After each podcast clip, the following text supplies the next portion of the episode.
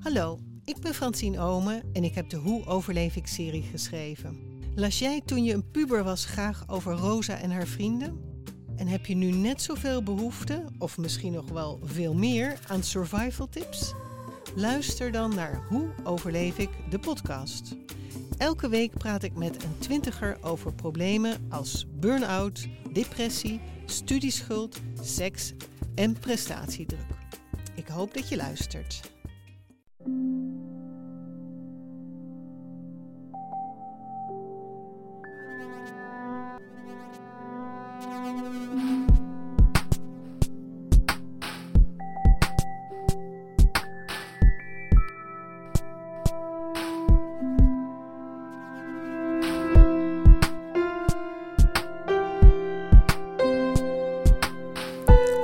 ik ben Pieter van Relaas.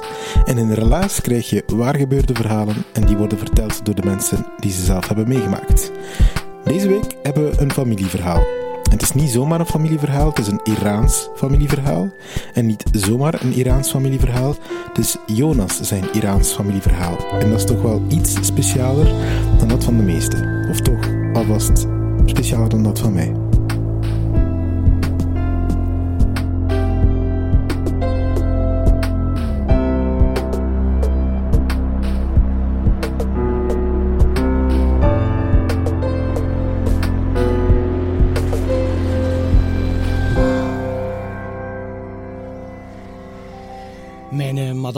Van Iran. nu, ze woont al 19 jaar in België, of 18. Maar tot haar 18 heeft ze in Iran gewoond. Ehm, wij zijn al vijf jaar en half samen. Eh, daarvoor was ze met een goede maat van mij. Maar dat, is een ander verhaal, dat ga ik nu niet vertellen vanavond. En een paar jaar geleden besloten wij om naar Iran te verhuizen. Om daar even te gaan wonen. Nu, als dat nog niet avontuurlijk genoeg was, zijn wij ook gaan inwonen bij mijn schoonfamilie. Bij mijn schoonmoeder, die ik nog nooit gezien had. Dus dat was wel... Goh. Ehm, nu, eh, als je naar Iran verhuist, is het gemakkelijk om getrouwd te zijn. Dat is, gewoon praktischer. Je hebt de politie, je hebt de zedenpolitie, je hebt de Basij, je daar de religieuze maf mafketels. Dus zijn wij administratief voor de islam getrouwd. Omdat dat gewoon gemakkelijker is. Nu, als je trouwt met een Iraanse... ehm, mijn madame, als ze naar Iran gaat, zij is Iraanse, want Iran erkent de dubbele nationaliteit niet, dan moet u ook bekeren tot de islam. Wat ik ook administratief gedaan heb. Allemaal in één keer, dat, dat duurde maar een uur. Dat was eh, op een uur tijd in Brussel, in een Shiïtische moskee. Ehm, en dat was eigenlijk tijdens de, de lockdown van Brussel. Brussel was volledig afgesloten. eh, dat was die week dat terrorismealarm eh, heel hoog stond. Ik heb me daar gaan administratief bekeren, maar dat is allemaal heel goed meegevallen. Dat is allemaal heel goed meegevallen. Ehm, dus, dus dat was eigenlijk wel een avontuur. Nu, dat was eigenlijk ook goed dat wij naar de familie gingen, want ehm, mama June, mijn schoonmoeder, June betekent lief in, in Farsi, mama June was heel erg eh, aan het genezen van een, zware ingreep. Dus het arme schaap moest acht maanden plat eh, in bed liggen. Ehm, dus de familie had een, een, een, bed, ziekenhuisbed, in, midden in het salon gelegd. En wij waren eigenlijk het grootste deel van die acht maanden waren wij, waren wij bij haar. Dus wij konden de familie echt wel eh, uit de nood helpen. En dat was ook nodig. Nu, voor Iran woonden wij in Vietnam. Ehm, we hebben daar twee jaar gewoond. We hadden daar een Iraans restaurantje. En na twee jaar maakten we natuurlijk eh, vrienden. En een van die vrienden was Maurice, een Spanjaard. Hij was de goede maat geworden. En als afscheidscadeau had hij mij eh, een cadeautje gegeven. Twee LSD-trips. Nu, ik vond dat leuk. Dank je, Maurice. Was daar niet geïnteresseerd. Maar ik weet niet of je dat al gezien hebt. Een LSD-trip, dat is een half postzegeltje. Dus had er mij zo twee gegeven. Ik dacht, dank je, Maurice. Ik had dat in een oude portefeuille gestoken en ergens weggestoken. Dus na twee jaar eh, Vietnam, we hadden heel veel boel. Dat waren eh, 16, 17 dozen. Gingen wij in zee met een eh, Vietnamese verhuisfirma. Ehm, we moesten alles inpakken. En dat was heel veel werk. Want alles moest eh, beschreven worden in het Vietnamees, in het Engels eh, en in het Farsi. Ehm, die verhuisfirma's die, die zijn altijd gelokaliseerd in de luchthaven. Wij woonden toen in Da Nang. Dus dat was drie dagen werk om alles mooi in te pakken, want de Vietnamezen kunnen wat, wat bruter zijn. Dus alles mooi inpakken, alles beschrijven. En na drie dagen dat we daar eh, geweest waren, ehm, want die praten ook geen Engels, hè, dat was met handen en voeten uitleggen, was dat allemaal ingepakt en gedaan, ingeklaard, alles voorzien van, van papieren. En we gingen voldaan terug naar het hotel. Dus ik pak mijn douche van eigenlijk dat werk is gedaan. We gingen vertrekken binnen een weekje, want eh, ons, onze boel ging van ehm Da Nang naar Saigon en van Saigon naar Teheran. En we gingen samen toekomen met al ons schrift, dus dat was allemaal zeer goed georganiseerd. Dus ik sta in mijn douche en ik vraag me af, godverdomme, waar zijn die LSD-trips? Ik had die daar eens ingepakt in een portefeuille. En dat zat met madame ook in paniek, volle paniek. Want ik weet niet, Iran, een redelijk streng regime als, als het aankomt op, drugs. Nu, dat zijn kleine dingetjes, dat ging waarschijnlijk niets geweest. Maar toch wil geen enkel risico nemen. Dus ik in volle paniek, dat zat in een doos. Dus ik bel naar die madame, die verstond mij natuurlijk. Ik zei, waar stuff? She said, already in Saigon, already in Saigon. Maar ik zei, dat kan niet, dat kan niet, no possible. Maar dat komt perfect wel. Want um, Danang, uh, Saigon, is maar drie kwartier vliegen. Dat bedrijf was in de, in de luchthaven En mijn frank was maar drie uur later gevallen. Dus ik dacht in volle paniek, rap mijn douche, op die brommer met mijn madame, rijden, rijden, rijden. En het verkeer in Vietnam is sowieso al zot. Wij naar, naar dat bedrijf. Maar ze had mij wel verstaan, want wat stond er heel mooi uh, voor ons? Box number three. Dus ik al die 38 lagen plastic daaraf. Um, ik zei iets van creditcard, forgot creditcard, creditcard. Die, die twee LSD-trips eruit, gelukkig de boel weer ingepakt.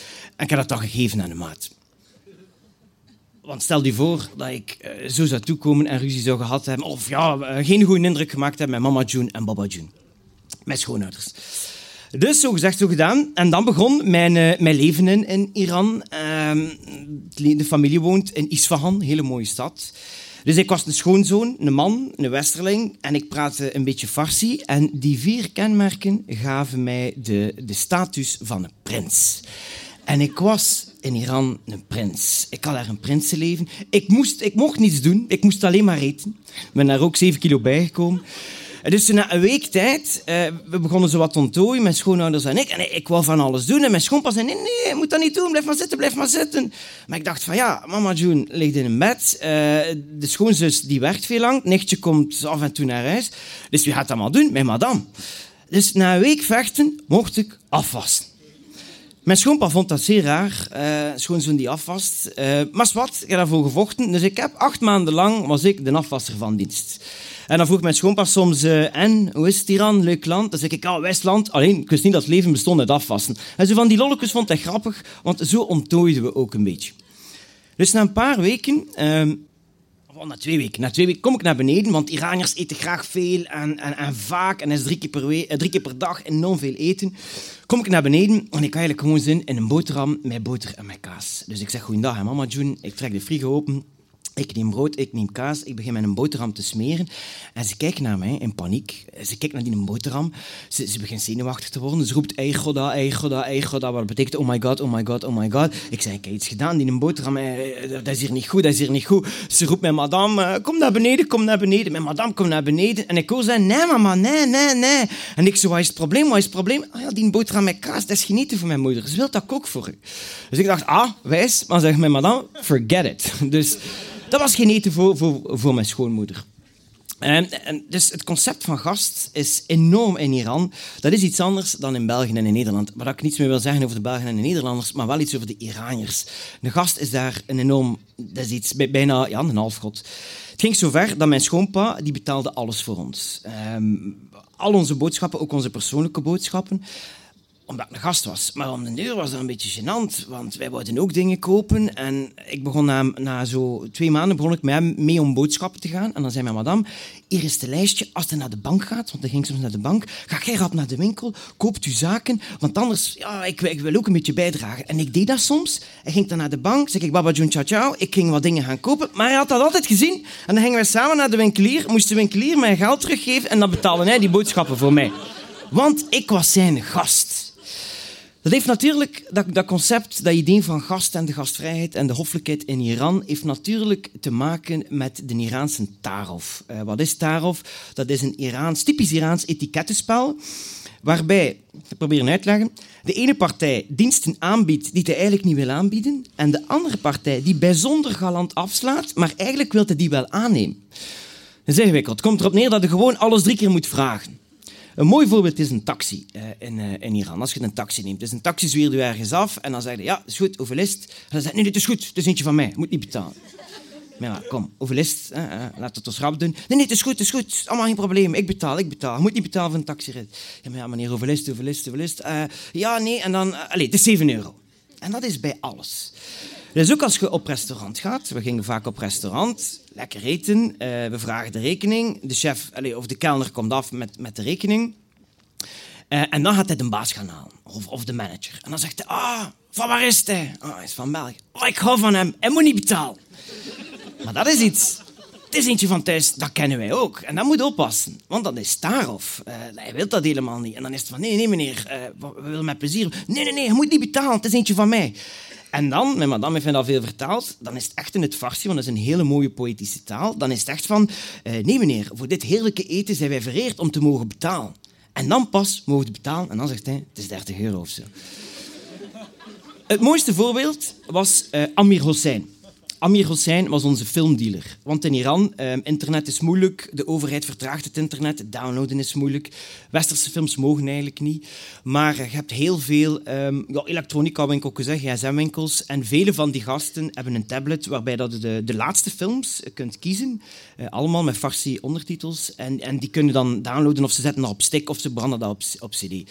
Dus veel jongens als Amir Hossein uh, hebben heel veel geduld, downloaden heel veel zaken en verkopen dat dan. Maar Amir Hossein was ook een, een, vriend van de familie. Dus wij mochten niets betalen. Nooit. Ja, dat was onze filmdealer. Wij zaten daar drie keer per week, een aantal maanden lang. Um, om de deur was dat ook weer gênant, want mensen die daar dezelfde dienst hadden, die, die, die betaalden wel en wij mochten niet betalen. En dat was altijd betalen, nee, betalen, nee. En om de op een keer had mijn madame wat geld in zijn schuif gelegd. Waren wij uit zijn winkel gelopen. Hij had dat gezien. Hij neemt dat geld. Hij loopt achter ons. een computer viel omver. Dat, dat, dat, dat, spel viel op de grond. Achter ons loopt hij op de gang en hij steekt dat weer in de chacoche van mijn madame. En dan heb ik gezegd van, kijk Amir Hossein.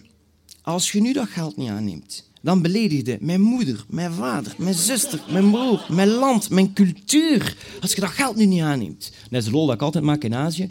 Nu, in Iran beledigen uh, moeder, cultuur in één zin, dan maakt dat nog indruk. Dan heeft dat toch de helft van dat geld aangenomen.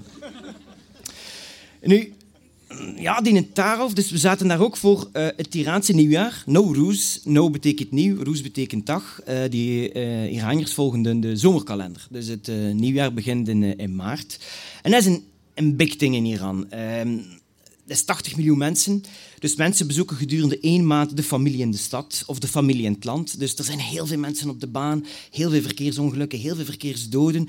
Is echt een, een heel groot ding in, in Iran, Nowruz. Dus we hadden ook bezoek. De, mijn schoonbroer, de broer uit het zuiden van Iran, kwam met zijn uh, kindjes. En uh, wij zaten s'avonds rond tien uur naar tv te kijken. Heel gezellig, want het huis is een souterrain en het is een eerste verdiep. Um, dus we zaten naar tv te kijken met een man of twaalf. En plots, op de binnenkoor, was ik daar, een kindertuin.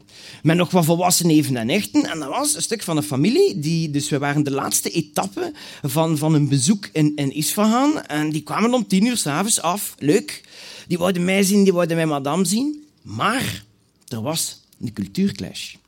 Want geen enkel kind wou naar beneden gaan. Dus iedereen is boven blijven zitten. Behalve de schoonbroer is hij naar beneden gegaan en heel vriendelijk zegt hij van kijk, super dat afkomt, want we zijn allemaal heel moe. We gaan niet naar beneden komen, we gaan hier gewoon blijven zitten. In Iran is dat not done. Als er, als er familie komt, dan moet je thee zetten, eten, dan moet je minstens twee, drie uur babbelen. Dus niemand is naar beneden gegaan. Dus na een uur is die uh, tak van de familie letterlijk afgedropen en daarna was het meeting. Want dat was iets nieuws. Familie, de kinderen die niet naar beneden komen. Dus al die kinderen naar beneden. Ik ben boven gebleven, buiten schot. En mijn madame kwam om de vijf minuten um, verslag uitbrengen. Zegt ze, ja, het is iets nieuws, het is iets raars, we zijn niet gekomen. Want mama June was natuurlijk enorm kwaad. Die zei, ik ben door de grond gezakt van schaamte. Ik ben, ik ben nooit zo beschaamd geweest in mijn leven. Want Baba June thee moeten zetten. En dat ga je niet aan. Maar mannen doen in thuishouden niet zo heel veel. Dus dat was zo um, die cultuurclash en, en die hoffelijkheid. Na een paar weken roept mijn schoonpa, Mabadjoen, uh, roept hem naar beneden. Zegt hij, Jonas, kom, we whisky drinken. In Iran, alcohol is uh, verboden, maar heel veel Iraniërs drinken. En dan moet echt een alcoholdealer bellen, die komt dan af. Dus dan zijn een kop voorover en dan kun je alcohol kopen. Dus dat had al een tijdje geleden gekocht als, als cadeau. En we drinken whisky. Maar ik moest oppassen, want ik drink graag, drink graag whisky moest oppassen dat ik op hetzelfde tempo en niveau uh, dan hem dronk. Want ik wou niet dat hij vond dat zijn schoonzoon een drankover was of zo. Dus ik begon voorzichtig met whisky te drinken, maar ik moest me geen zorgen maken, want we dronken op hetzelfde niveau en na een uur was die fles leeg. Nu, een paar weken later, ook alweer in het nieuwjaar in Nowruz, kwam mijn madame bij mij en zegt ze, Jonas, Jonas, ik zat boven een film te kijken. Zegt ze, Jonas, Jonas, wilde hij opium roken? En ik zei, de, natuurlijk, ja, natuurlijk. Zei, mijn pa is zijn opium aan het klaarmaken. En ik heb gezegd, mag, de, mag Jonas niet meedoen? En uh, ja, ik weet het ook allemaal niet goed. Want ik moet weg. Je zit met hem alleen. Hebben een half uur naar beneden met met een wasmand. En kijkt hoe dat zit. Uh, misschien kunnen we meer opium roken. Ik zei, ja, dat is goed, dat is goed. Dus ik zo een half uur wachten. Met, met, een volle wasmand. Uh, en dat was proper was. Wat wij heel lang geen was. En een keer de kat uit de boom gaan kijken. En effectief, mijn schoonpa was bezig met zijn opium. Moet wel zeggen, in Iran is dat heel normaal. Uh, oudere mensen roken regelmatig tot vaak opium. Zeker in Nowruz, in het nieuwjaar. Het ligt naast Afghanistan. Dus, dus opium is wel, kan niet zeggen een deel van de samenleving, maar het is zeker niet abnormaal. En opium ziet eruit als hash. Dus hij had in een opium gespitst, uh, op zo, gespist op zo'n metalen pin. Dat was allemaal aan het gasvuur te doen. Met een andere metalen pin, uh, die was gloeiend heet, verwarmt hij die in opium. En dan stonden wij met twee, uh, met een rietje, die dampen uh, in te, inhaleren. Nu, zelfs in de deugnietoenerij zijn Iraniërs super beleefd. Want mijn schoonpa zei de hele tijd, hier, trek jij maar eerst. En ik zei, ben niet maar het is uw opium, trek jij maar eerst. En niet, doe jij maar eerst. Ondertussen die opium... Ja, we zijn eruit gekomen hoor. En dat was heel leuk, want mijn schoonpa werd dan ook high. En dat was, uh, opium is niet zo zwaar, dus had zijn muziek daar klaargezet. En dan begon hij ook te dansen. En dat was super grappig, want hij danst juist hetzelfde. Ik. Ik, ik dans ook graag op techno en dan dans ik ook zo. En mijn schoonpa deed juist hetzelfde. Dus stonden we daar met twee high te dansen op de opium. En dat was gewoon heel gezellig. Kan het iedereen aanraden met zijn schoonouders. Um, ja, als de, uh, om de band wat te doen smelten, maar opium roken. Dus we beginnen zo met mijn prinsenleven wat te zien in Iran. Dus whisky drinken, niet meer koken, geen boodschappen doen. Eigenlijk ook geen, geen uitgeven, heel weinig. Nu, natuurlijk, aan alle schone liedjes uh, komt er een einde. En aan mijn schoolliedje was dat einde op 8 mei 2018. Toen dan een zekere meneer Trump uh, de Verenigde Staten terugtrok uit de uh, uraniumdeal. dus die trok de Verenigde Staten heel plots terug. En wij waren juist in Teheran. Je zag echt die kopjes van de Iraniërs naar beneden gaan. Want ze wisten, ze hadden het al 20 jaar meegemaakt of 30 jaar lang, dat wordt hier weer economisch heel moeilijk voor ons. En dat was ook zo. Nu, een paar jaar daarvoor hadden wij uh, een beetje centjes, euro's, laten omzetten in uh, Iraanse rial. En we hadden op die Iraanse bank laten zetten door de zus. Want door de inflatie konden, gaven de Iraanse banken, en ook door het feit dat Iran altijd afgesloten is van het internationale banksysteem, gaven de banken enorm hoge interest. En niet alleen de banken, ook uh, geldwisselkantoren. Dan kon je geld daar zetten en die gaven 20, 25, 30 procent interest. Een interest dat ook maandelijks kon laten uitkeren. Dus we hadden een paar jaar daarvoor ja, wat geld, een som daar op de bank gezet. En dat was, door niets te doen, was dat beetje bij beetje uh, um, redelijk, uh, redelijk veel aan het, of meer aan het worden. Nu natuurlijk, Trump doet in een speech en die Iraanse rial, dat evalueert op een, op een paar dagen tijd, evalueert dat zeer, zeer snel. En ons geld, letterlijk, dat was aan het verdampen.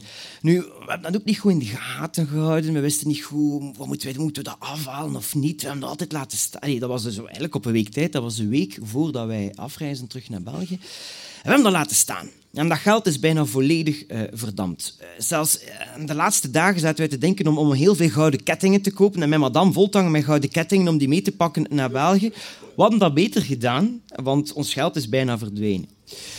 Dus het plan was sowieso om terug te keren naar België, maar nu moesten wij hier langer blijven. We zijn dus in mei vorig jaar teruggekeerd. Kijk, ik loop hier nog altijd rond en ik moet heel banale dingen doen nu, zoals werken. We beginnen werken koken doe ik nu ook weer, boodschappen.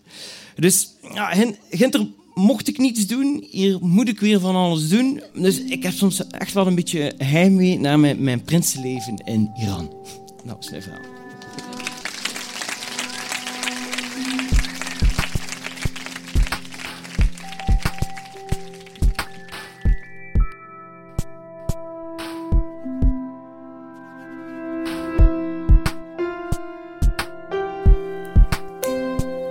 Dat was het verhaal van Jonas. Hij vertelde het in Gent op Bar Bricolage. Dat was onze buiteneditie van afgelopen zomer. Je hoorde dat misschien een heel klein beetje in de opname. Het was heel gezellig met de ondergaande zon en vier prachtige verhalen. Jonas is in het dagelijks leven communicatiecoach en heeft onder andere voor Mo Magazine en voor Franks en de Nomade geschreven. Hij heeft ook net een boek uit. Het heet Meisje uit Iran. Eén klein probleempje, dat boek moet nog gedrukt worden, maar je kan daar nog altijd een steentje toe bijdragen. Zoek het maar op, Meisje uit Iran. Zou het eigenlijk een goed idee zijn om met relatie in zijn boek uit te geven? Je mag ons daar altijd tips of suggesties rond doen. Uh, dat kan via onze website of gewoon via onze Facebook een berichtje te sturen. Wij antwoorden meestal direct.